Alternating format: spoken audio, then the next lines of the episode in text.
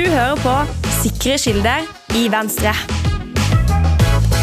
Med Sveinung, Ingvild og Kristin. Hei, du eh, hører på Sikre kilder i Venstre. Jeg heter Sveinung. Jeg heter Ingvild. Jeg heter Kristin. Og vet dere hva, eh, damer? Nei. Happy Valentine's Day. Happy Valentine's Happy Day. Galentine's Day. Galentine's Day var i går. Nei da, det er i dag òg. Hver dag er Galentine's Day. Vi eh, eh, feirer i dag Valentine's Day. Eh, det er det flere politikere som gjør. Eh, på Dagblad akkurat nå så, lys, Akkurat nå. Akkurat nå. Akkurat nå. Akkurat nå. så lyser det et stort, litt sånn, litt sånn smilende bilde av finansministeren vår, Trygve Slagsvold Vedum, og overskrifta er sitatstrek 'Lag barn i dag', Ja. Med et bilde av Vedum, da, eller? med et flott bilde av Vedum. Tenker dere at det er en god oppfordring? Altså, jeg skjønner ikke Det er så mange politikere hele tiden som skal drive og oppfordre folk til å få så mange barn. Ja. Altså, Jeg skjønner at man har sånn der Er det fødselsunderskudd det heter? Eh, ja. Eh, men eh, det er litt sånn Jeg tror ikke det er mer sannsynlig at folk blir keen på å liksom ligge hvis Trygve Slagsvold Vedum blander seg. Det er før du har lest artikkelen, for hvis du begynner å lese artikkelen, da står det jo da ehm, En stemme fra Stange kniser i andre enden av telefonen. Og jeg hører det for meg. Ja, og så sitat fra Vedum. Startjobben med å lage barn er jo veldig koselig. I dag er den perfekte dagen for å sette inn støtet, sier han. Æsj! Fortsatt ikke keen på å sette inn støtet. Er, er det lov å si? Dette var ting jeg ikke trengte å ha inni hodet mitt, kjente jeg. Nei. Det kan være at politikere ikke må drive og gjøre sånne ting. Det kan være. Det kan hende at det faktisk er ganske lurt å ikke gjøre sånne ting. Ja. Det er jo noen som har sånn vanvittig tro på at hvis politikere bare sier mange nok ganger at nå må dere få barn, da kommer folk til å begynne å få barn. Litt skeptisk til det. Enig. I og for seg samme greia som disse som er så utrolig opptatt av at du må ha eh, veldig god tilrettelegging for at flere studenter skal velge å få barn. Ja. Jeg er litt usikker på om det er, liksom, er det nivået på støtteordningene som gjør at landets eh, 21 år gamle studiene ikke tenker nå skal jeg etablere familie med han fyren jeg møtte på byen i går. Det kan jo også være fordi de er f.eks. 21 år. Ja, også, Men når det er sagt, så må det jo legges til rette for de som er studenter som faktisk blir gravide. Men uh, enig med det, Sveinung. Jeg tror ikke det er det som eh, hindrer det. Veldig PK fra deg. Thank Anna. you. You're okay, Ok, da, vi skal legge til rette for deg som vil. Men det er vel egentlig det Trygve eh, sier i den artikkelen også. Han viser jo til masse sånne ting som regjeringen, eh, og ikke bare regjeringen, for så vidt eh, mange politikere og politiske partier eh, som prøver å tilrettelegge for at det skal bli enklere å ha familie, og billigere å ha familie. Eh, og billigere å ha unger i f.eks. SFO og barnehage og sånne ting, som også er eh, god venstrepolitikk. Så det er jo fint at han på en måte bruker anledningen til å, å snakke om viktige velferdsordninger, syns jeg, men eh, jeg tror ikke folk blir sånn spesielt kåte. Nei, Men det, du fatter hva jeg mener. ja, det, du forstår veldig godt hva du mener. Um, det er mulig vi bør innføre sånne medaljer for kvinner som føder mange barn. Det har regimet gjort eh, før. Hæ? Uh, ja, ja. Det har vært ganske vanlig i både eh, Tyskland eh, i perioden 1933 til 1945, eh, og andre av den typen land. Nok om det. Vi skal snakke mer om Senterpartiet i regjering etter hvert. Vi skal også snakke litt om viss, et visst medlem i Arbeiderpartiet i Trøndelag. Men først, Kristin, hva har du gjort siden sist? Jeg har faktisk gjort ganske lite. Jeg har sett Frost på film med en eh, fire år gammel jente. Um, I forbindelse med at hennes mor var opptatt med å diskutere formuesskatt. um, men, og da var jeg barnevakt, og da så vi Frost. Og uh, det jeg skjønte med en gang jeg begynte å se Frost, jeg har sett han før nemlig, det er at jeg har glemt uh, hva som skjer. Altså, det vil si, jeg husker hovedlinjen, og sånn, men jeg har glemt mye av handlingen. Eh, men eh, det som er drit med fireåringer, er at de har sett Frost veldig mange ganger. Veldig opptatt av å fortelle deg om hva de kan, så hun spoila hele filmen. Så det var ikke noe særlig. Nei. Eh, utover det så har jeg fulgt litt med på nyhetssakene som har kommet i kjølvannet av det som heter Vixen Awards. Er dere kjent med konseptet? Ja, Kan jeg bare si en sånn kort ting som jeg har lært om Vixen Awards nylig? Helst. Eh, for jeg hørte på en podkast i går. Herregud, nå kan jeg ikke huske hvilken, det var pinlig. Men eh, da ble det sagt at eh, de som deltar, må betale 700 kroner Og det er ikke liksom fordi det koster 700 kroner å delta, men det er fordi hvis ikke så må de merke alle innlegg derfra som spons. Ah, så Hæ? reklame. Så de unngår å merke innlegg fra Vixen med reklame fordi de betaler for å delta. Ja! Men Linnea Myhre Dette, sa dette dette. gir jo faktisk masse mening.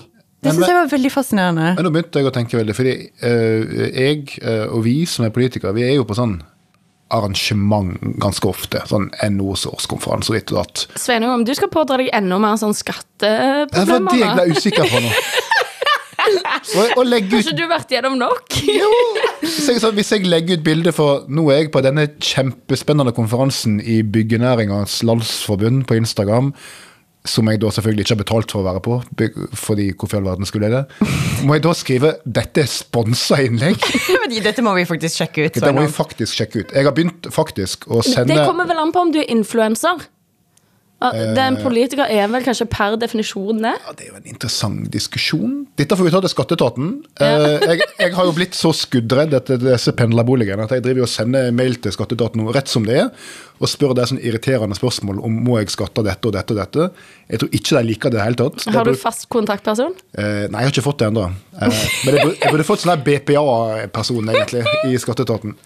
Eh, uansett, nå snakker vi oss helt på Ja, ja, ja, nei, nei, nei jeg syns dette er en veldig dis eh, interessant diskusjon. Men som hva var du, må komme hva var det du ville si om Vixen Jo, det jeg ville si, det er to ting jeg har bedt meg merke i. Jeg tar det morsomste først. Kjenner dere uh, Ja, Vixen Awards er jo da sånn influenserprisutdeling. uh, Influenserprisutdeling. Ja, ja. Årets flinkeste influenser. Ja. eh, Årets beste i ulike kategorier og sånne ting. En norsk uh, såkalt influenser som var der, er en som kaller seg for Kevin Lauren. Ja! Er dere kjent med han? Ja! Nei. Ok. Kevin Lauren, eh, han har hett noe annet før, det er et artistnavn. da. Han var med på Paradise Hotel for mange mange år siden. Nå har han litt sånn tåpelige eh, blonde dreads, og han har svært smil. Og så eh, har han en sånn gangster eh, personlighet som han liksom har påtatt seg. Ja, for Han kaller seg sjøl for eh, førstegenerasjons innvandrer fordi faren er dansk. Ja, og så eh, er han veldig opptatt av at han liksom kommer fra the hood. Han er fra Sandnes, så det er ikke så langt under sannheten, men du skjønner hva jeg mener. Han ha, eh, har da liksom Han rapper masse og sånn. Så har han vært på Vixen. Og så har han gått hjem fra Vixen sånn klokka ett på natta. Og da har han fyrt opp TikTok og begynt å livestreame. Og på den livestreamen, som varte i ca. ti minutter, så har han da sagt eh, Først har han shama Vixen for å være, og jeg siterer, fake og ikke ekte. Eh, og så har han begynt å si mange har spurt om jeg har drept noen. Ja, det har jeg.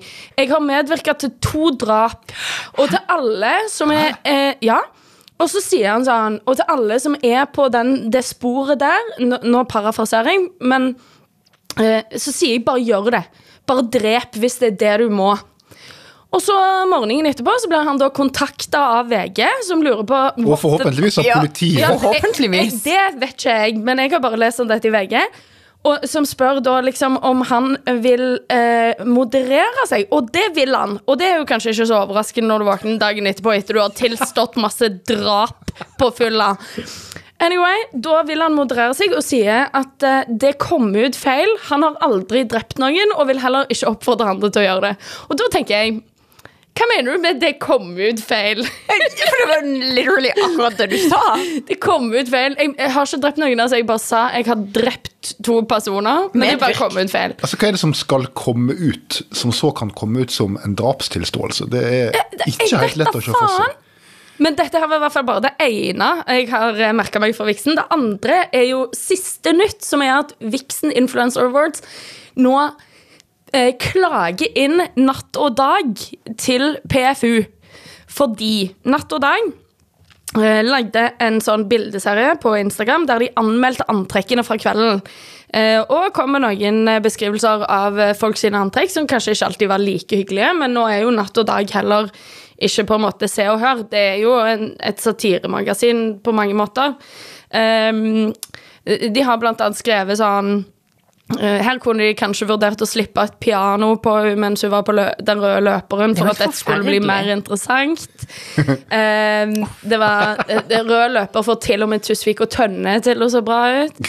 Eh, litt sånne ting. Men det var mye der som var veldig puppene til Drøyt. den dama er så langt fra hverandre at de bare kommuniserer via Skype. Men hva har PFU med det å gjøre? Nei, kanskje, jeg ikke, vet kan, da ikke de, kanskje, de skriver sånne ting? Det må nå være lov.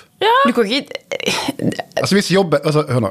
Hvis jobben Hei, hei, hei, hei, hei, Sveinung! Hør nå. Hvis jobben din, og det du tjener penger på, det er å legge ut ting på internett, uh, enten det er silikonpupper eller smil eller hva det måtte være, og folk skriver i kommentarfeltet 'fine du, fine du, hjerte, hjerte', får du jaggu meg tåle at noen sier Vet du er ikke fin i det hele tatt, jeg vil slippe et piano Ja, på deg. ne- men hva da, slippe et piano på noen? Det er jo helt eh, et forskjellige ting å si eh, 'du er ikke fin i det hele tatt', 'jeg syns dette antrekket var jævlig stygt', eller hva enn man skal måtte si. Men det å skulle slippe et piano ned på noen, er jo en litt annen kategori enn å på en måte måte Poenget er vel at kritisere Altså, er antrekket hvis- er så uinteressant. Og det hadde vært mer interessant hvis det var liksom store møblement inne i bildet. Altså Hvis jobben din er utseende, får du jaggu meg tåle at noen skriver om utseendet ditt på en måte du ikke liker. Mener jeg. Så noen bør eh, sette meg inn i PFU umiddelbart, så jeg kan avvise den klaga. Ja, og er du in the running? Nei, jeg er vel ikke det. Jeg tror, Det sitter vel faktisk av og til eh, folk med politisk bakgrunn i PFU, men eh, jeg er ikke spurt.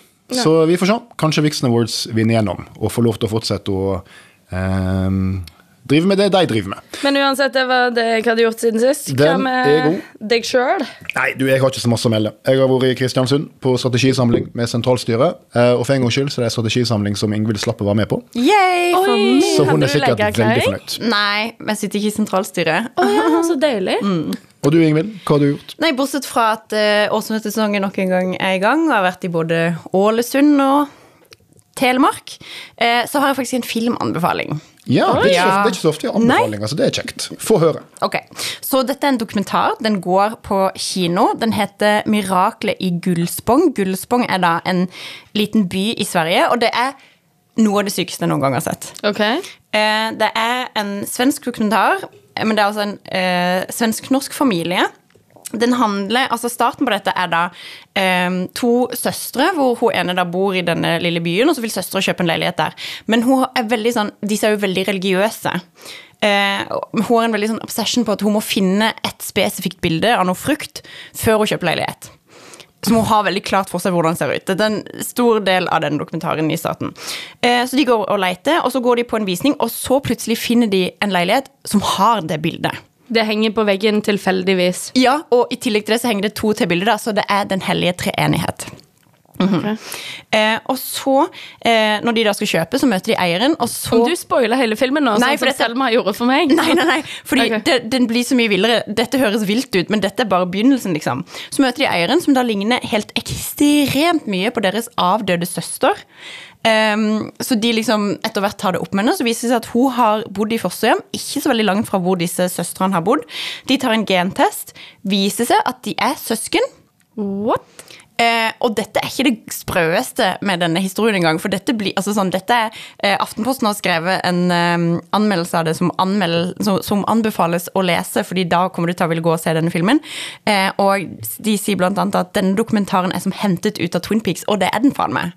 Oi. Jeg skal ikke spoile mer, men altså dette, denne starten som jeg fortalte om nå, er bare bitte, bitte, bitte lite. Bra anbefaling. Ja. Går den på kino nå? Den går på kino nå. Bra. Da eh, vil jeg komme med anbefaling. Ja. Eh, og det er å ikke forsøke å gå på kino og se den eh, før klokka ett på søndager. Ok.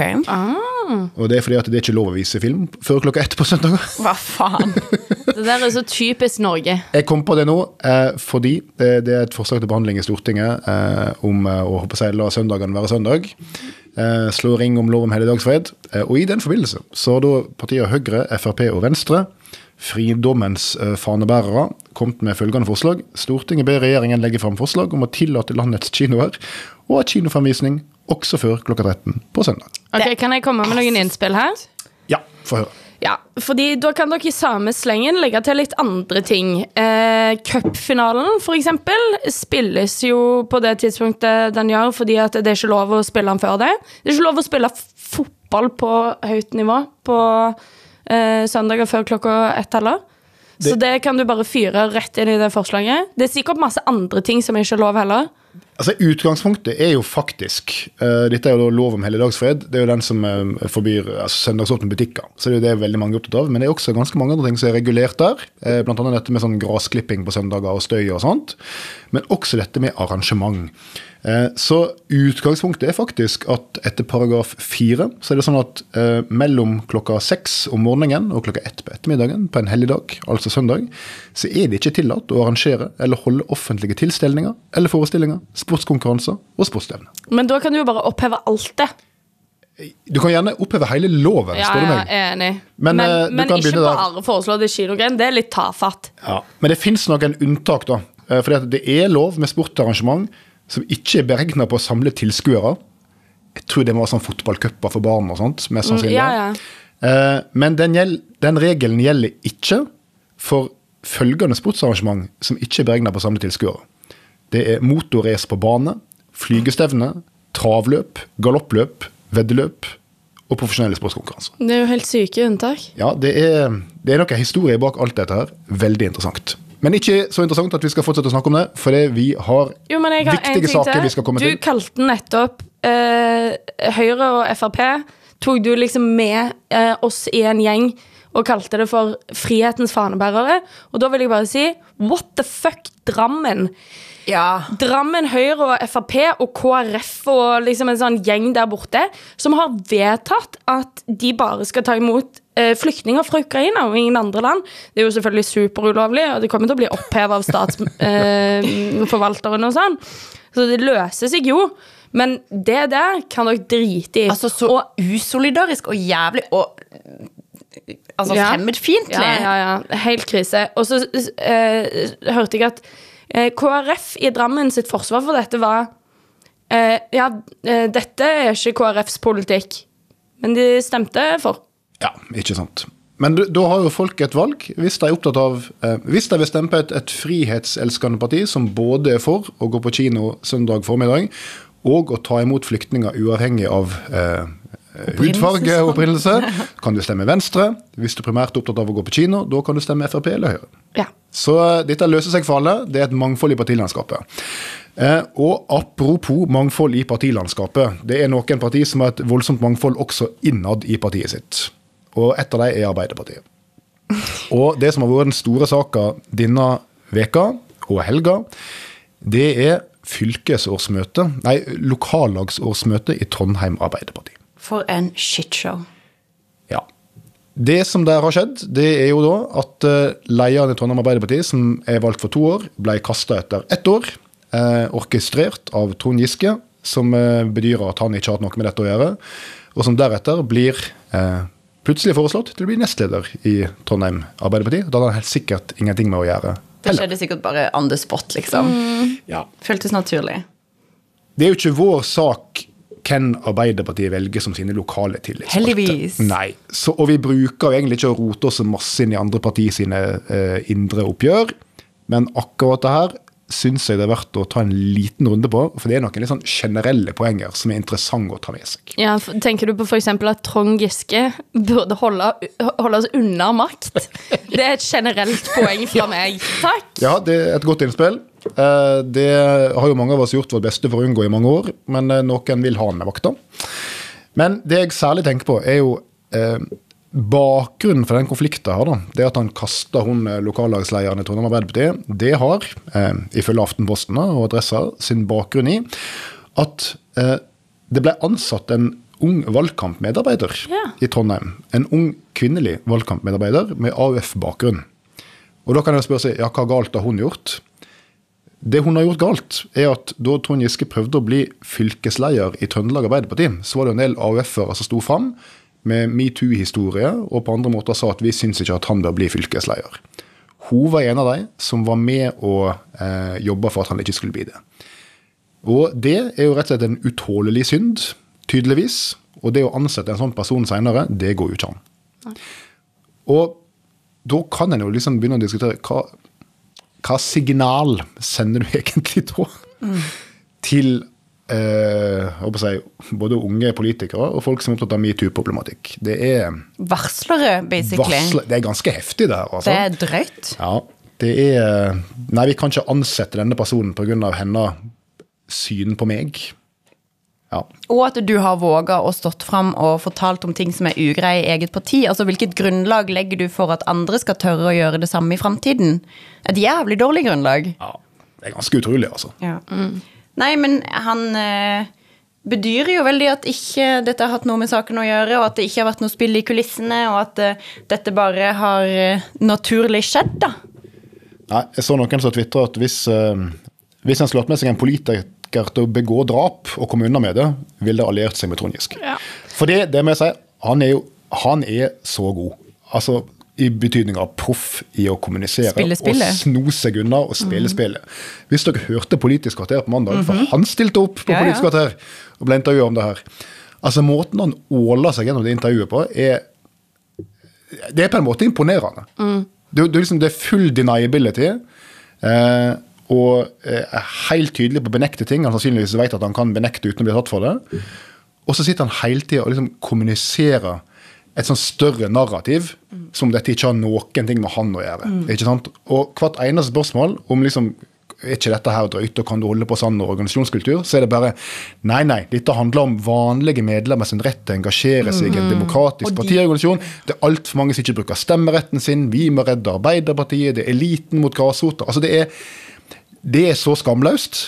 Og så i og for seg godt gjort, for dette kjøper jo ganske mange folk. At det er en liksom mesternes mester som sitter der altså, og åler seg gjennom denne sendinga. Men han er superskamløs, og jeg mener jo at eh, de intervjuene som han har gjort i etterkant av at han nå ble valgt til nestleder i Trondheim Arbeiderparti, de viser jo bare eh, tydeligere og tydeligere for hver eneste dag det som jeg har visst helt eh, siden si, starten av dette, som er at han planlegger sitt eget comeback i rikspolitikken, som han tidligere har benekta, som han så drev og mykna litt opp for, og nå sier han bare at det skal jeg gjøre hvis det er noe som partiet vil. Um, og det kommer det jo sikkert til å være, fordi at det er jo en hel sånn der bøling med folk der oppe som har meldt seg inn i dette partiet bare fordi uh, de liker en Trond og uh, det greiene der.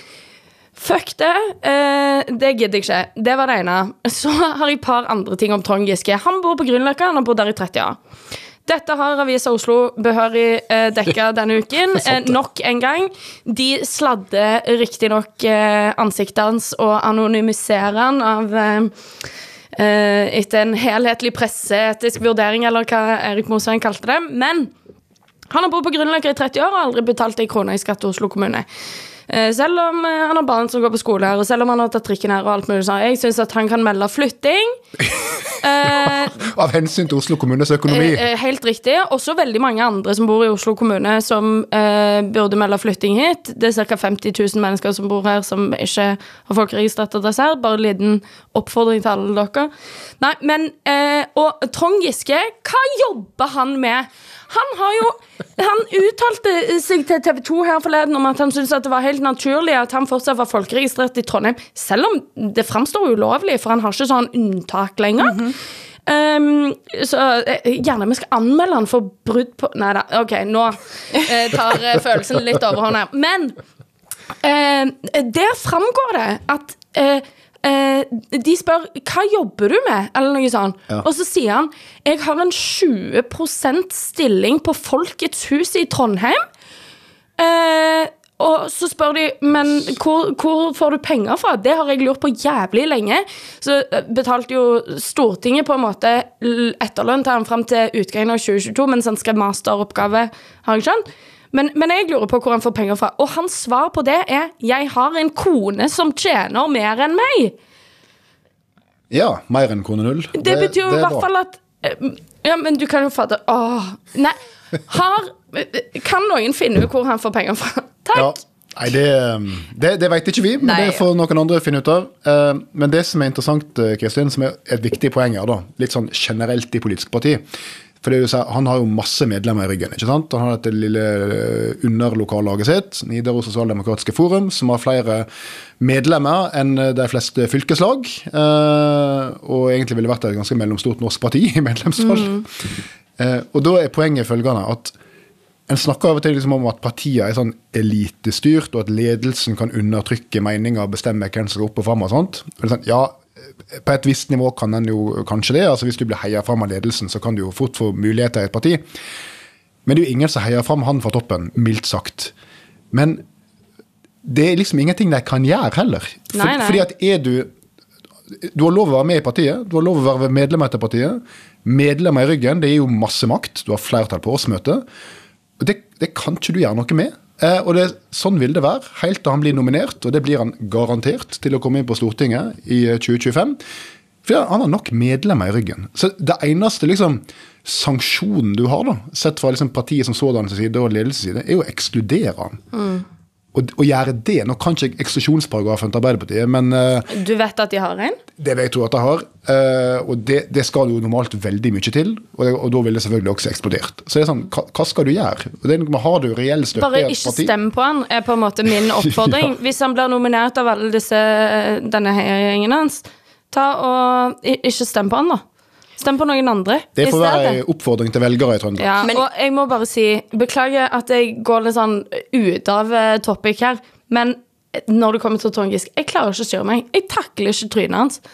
Få han bort. Altså, det merker vi. Det merker vi. Ja. Men, men bare for å på en måte altså, For dette er jo um, en, en litt sånn stygg del av politikken, da, altså disse maktspillene som innimellom kan utspille seg av og til bak lukka dører, og av og til i det offentlige, sånn som i dette tilfellet her. Men, men det på en måte eh, Det åpner jo opp for på en måte altså, noen refleksjoner, da. Altså nummer én, hva er det du søker makt for? Hvilke, hvilke folk er det vi vil ha i maktposisjoner? Er det de som søker maktposisjoner for seg sjøl, eller er det de som søker en maktposisjon fordi at de vil gjennomføre en bestemt type politikk? Og det er jo noe med, altså Tenk så ekskluderende det også er eh, for så mange som ikke er på en måte villig eh, til å gjøre de tingene som enkelte er villige til å gjøre for å få de maktposisjonene som på en måte ekskluderes helt fra politikken. Og nå går vi inn i på en måte nominasjonsprosesset. Vi kommer sikkert til å på en måte se mer um, Kanskje ikke av denne typen maktspill, men av annen type maktspill. Altså, og det er der jeg mener Det er, jeg mener helt oppriktig, alle politikere burde faen meg ha noe annet interessant som ligger, og som de kan på en måte glede seg til å gå tilbake igjen til når de er ferdig som politiker. For den dagen du begynner å søke makt for å ha den makten for å ha noe å gjøre, fordi du ikke har noe spennende å gå tilbake til, den dagen er farlig, altså. Nominasjonsprosesser de kan være ganske stygge, de. eh, Og vi får si ikke bare i Arbeiderpartiet. Det kan det være i alle partier. Det kan være ganske tøft. Um, men det er som du sier, Ingvild, av og til så kan det også bli fryktelig um, personlig. og Av og til handler det om inntekt for folk og jobber for folk. Det burde jo helst ikke gjøre, men det kan det jo gjøre. Um, og av og til så handler det om et rent hevnemotiv. Og det er en sterk drivkraft. Og det vil jeg vel si at vi ser pågår nå. Yes, Men uh, lykke til til deg. Uh, interessant for oss andre å følge med på. Uh, vi skal videre, og da skal vi over til eh, ei spalte som har fått lov til å hvile litt ei stund. Men denne veka så er det grunn til å hente den opp igjen. Og da skal vi nemlig over til våre eh, faste spalte, Nå må regjeringen snart slutte å være totalt ubrukelig. som vi får se om blir fast igjen, men i dag henter vi den fram. Fordi det er jo en eh, kar i regjeringa som heter Geir Pollestad. Og Geir Pollestad han er landbruks- og matminister. Og han bestemmer seg av og til for å ringe VG og ha de med på tur for å melde et eller annet. Jeg tror vi snakket om det sist han gjorde. Da hadde han med seg VG på villsvinjakt. Uten, å, u- uten å sjøl ha jegerprøver. Det var en kostelig reportasje. Nå har han tatt med seg VG ut på Bygdøy eh, for å opplyse om at han har også sett denne TV-serien som Bård Tufte Johansen har laga, som heter Oppsynsmannen. Svært bra TV-serie. Bra. Mhm. Vel anbefaling der om å, om å ta vare på norsk natur. Eh, og Geir Pollestad har sett den og tatt med seg VG og har følgende budskap. Sitat. Vi må bygge ned enda mer norsk natur. Alle inngrepene har vært verdt det. De har vært til gode for samfunnet. Det er en Kan man vel- såkalt hot take. Mildt sagt, altså. Fy faen.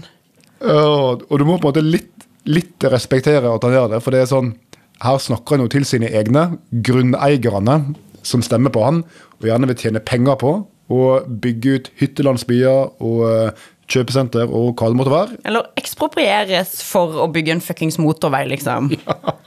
Men ja, apropos det, det var også et veldig bra stykke i den artikkelen. fordi at eh, det eh, han snakker om, da, er jo eh, at eh, nei, eh, vi må bygge ned mer natur, viktig med verdiskaping. Eh, og så er det noen ting vi må ta vare på, sier det da, sånn i forbifarten. Og så spør da VG vil du ha et tydeligere skille for natur det er greit å bygge ned, og natur som ikke er det. Og så svarer han vi har det. Det er derfor vi har skogvern, det er derfor vi har nasjonalparker. Men der bygger dere jo motorveier, spør VG om. Nei, vi bygger ikke motorveier og nasjonalparker, sier Pollestad. Ja, hva med Lågendeltaet, da, sier VG. Og så han jo da, det skal jeg ikke gå inn på. Altså, det er Som da er saken eh, om eh, Lågendeltaet. Det er jo da oppe i Gudbrandsdalslågen rett ved Lillehammer. Veldig viktig våtområde for, eh, for fugl. Eh, der det er eh, eh, naturreservat som regjeringa har bestemt seg for å oppheve for å kunne bygge motorvei der. Så det, det er det saken jeg sikter til der. Men jeg syns eh, at en av mine favorittsitater her er der VG spør Du framstår kanskje litt usympatisk. Ja. Og han sier Jeg tror alle som tenker seg om, vil være enig med meg. Det tror jeg er en realitet.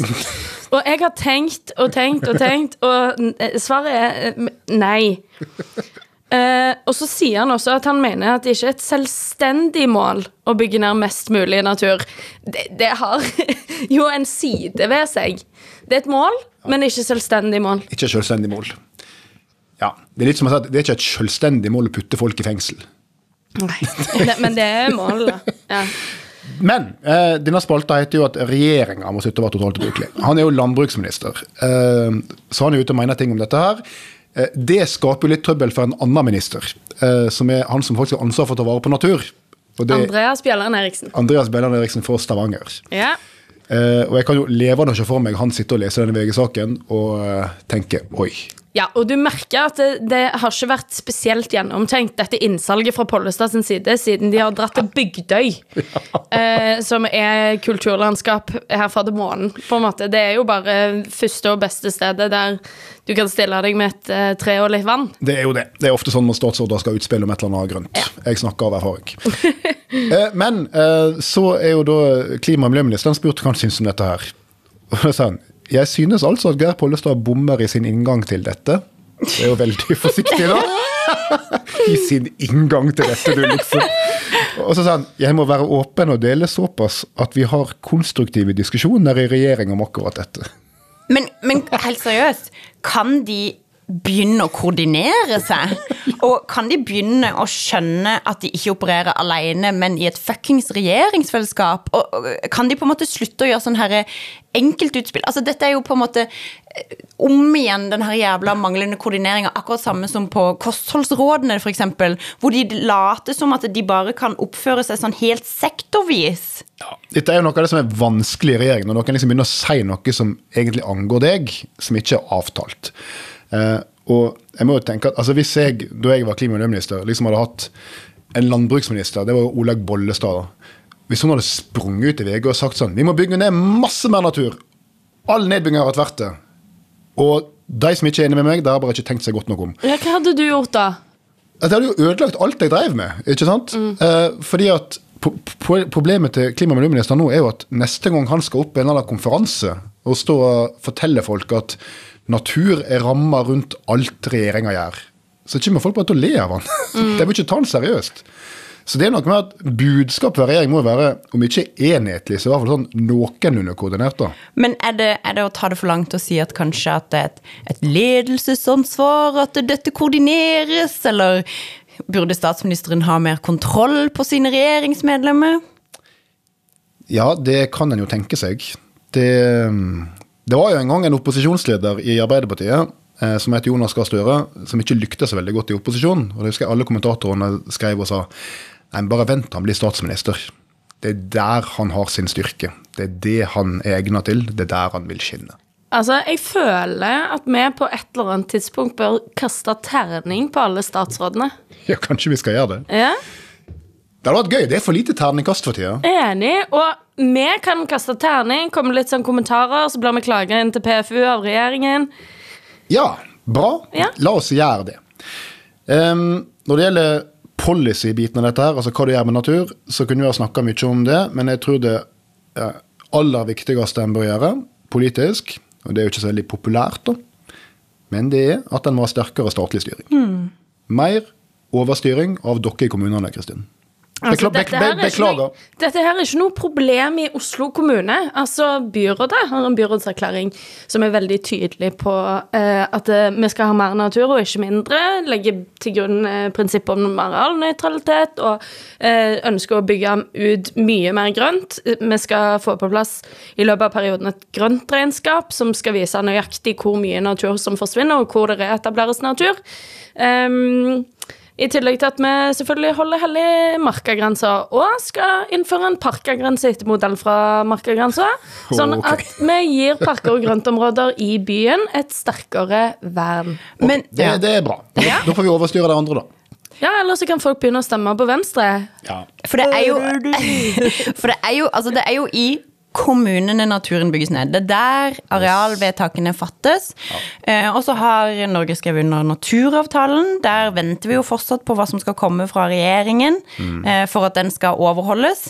Eh, og det vil jo også bli interessant da, med en regjering som bl.a. består da av Senterpartiet. Hvordan skal de klare å nå målene i naturavtalen, all den tid alt dette ansvaret basically nesten ligger i Kommune-Norge? Det er ingen land jeg vet om der lokaldemokratiet har så store fullmakter når det gjelder arealpolitikk og nedbygging av areal. Det er et stort lokalt ansvar i Norge. I dagens spørretime på Stortinget så utfordrer jo vår kollega Alfred Bjørlo kommunalministeren om naturnedbygging, bl.a. på bakgrunn av dette innspillet fra Pollestad. Viste til det. Og sa liksom eh, Er det greit at han har liksom hjemme alenefest i 357 kommuner som kan bestemme hva de, hva de vil når det gjelder naturnedbygging? Og da sa jo kommunalminister Erling Sande det som eh, er sånn som er lett å nikke til. Og det er at jeg tror vettet er rimelig jevnt fordelt i dette landet. Det er ikke sånn at du vet ingenting som lokalpolitiker, men når du går inn i sentrale kontorer i Oslo, så blir du allvitende. Jeg stoler på de der ute, og de tar det på alvor. Og Det er sånn, ja, det er lett å nikke til det. Mm. og Det er ikke feil heller. Men det han glemmer, og i hvert fall velger å ikke si, er jo at hver enkelt ordfører, hvert enkelt kommunestyre sitter jo og ser på sin kommune og ser jo typisk Ja, nei, vi har jo ganske mye skog og fjellvis, og det er ikke så farlig hvis vi eh, legger litt til rette for hyttebygging her, og en firefelts motorvei der, og et nytt kjøpesenter der. Vi har fortsatt nok av natur å ta av. Problemet oppstår jo det alle gjør det. For i det alle gjør det, da er det ikke mye natur igjen. Og du ser det ikke i sammenheng. Du ser det overhodet ikke i sammenheng. F.eks. rundt Hardangervidda nå, som er et utrolig viktig leveområde for villrein, som trenger store, uberørte naturområder for å kunne overleve. De er livredde for mennesker. Og Norge har ansvar for å forvalte sånn 90% av den gjenlevende villreinstammen i Europa. Nesten alle i Norge. Eh, Så har en nå steg for steg rundt Hardangervidda, fra øst, fra vest, innskrenka det leveområdet, for en har bygd ned natur. Og hver enkelt kommune virker ikke det så veldig viktig, men summen blir voldsom. Så dette har ingenting med at vettet ikke er likt fordelt å gjøre. Det har noe med at av og til må noen ta et litt sånn helikopterperspektiv og se hva er det vi gjør i sum her nå. Så der ligger problemet. Bortsett fra i Oslo, da. Der er det selvfølgelig ingen problem. Ok. Uh, jeg, tror, jeg tror vi får gi oss der. Det var det vi hadde i dag. Har dere mer på hjertet? Nei, jeg tror egentlig Altså, jeg er good. Jeg er klar til å feire Valentine's Day med Ingvild. Ja. Veldig bra. Um, da får dere gjøre det. Og så får alle andre velge om de vil følge oppfordringer fra finansministeren om uh, det en bør gjøre av hensyn til fedrelandet i dag. Uh, og for øvrig så ønsker vi dere ei en fin uke. Takk for oss. Du har hørt på Sikre Kilde Venstre. Ha det bra. Ha det. Ha det.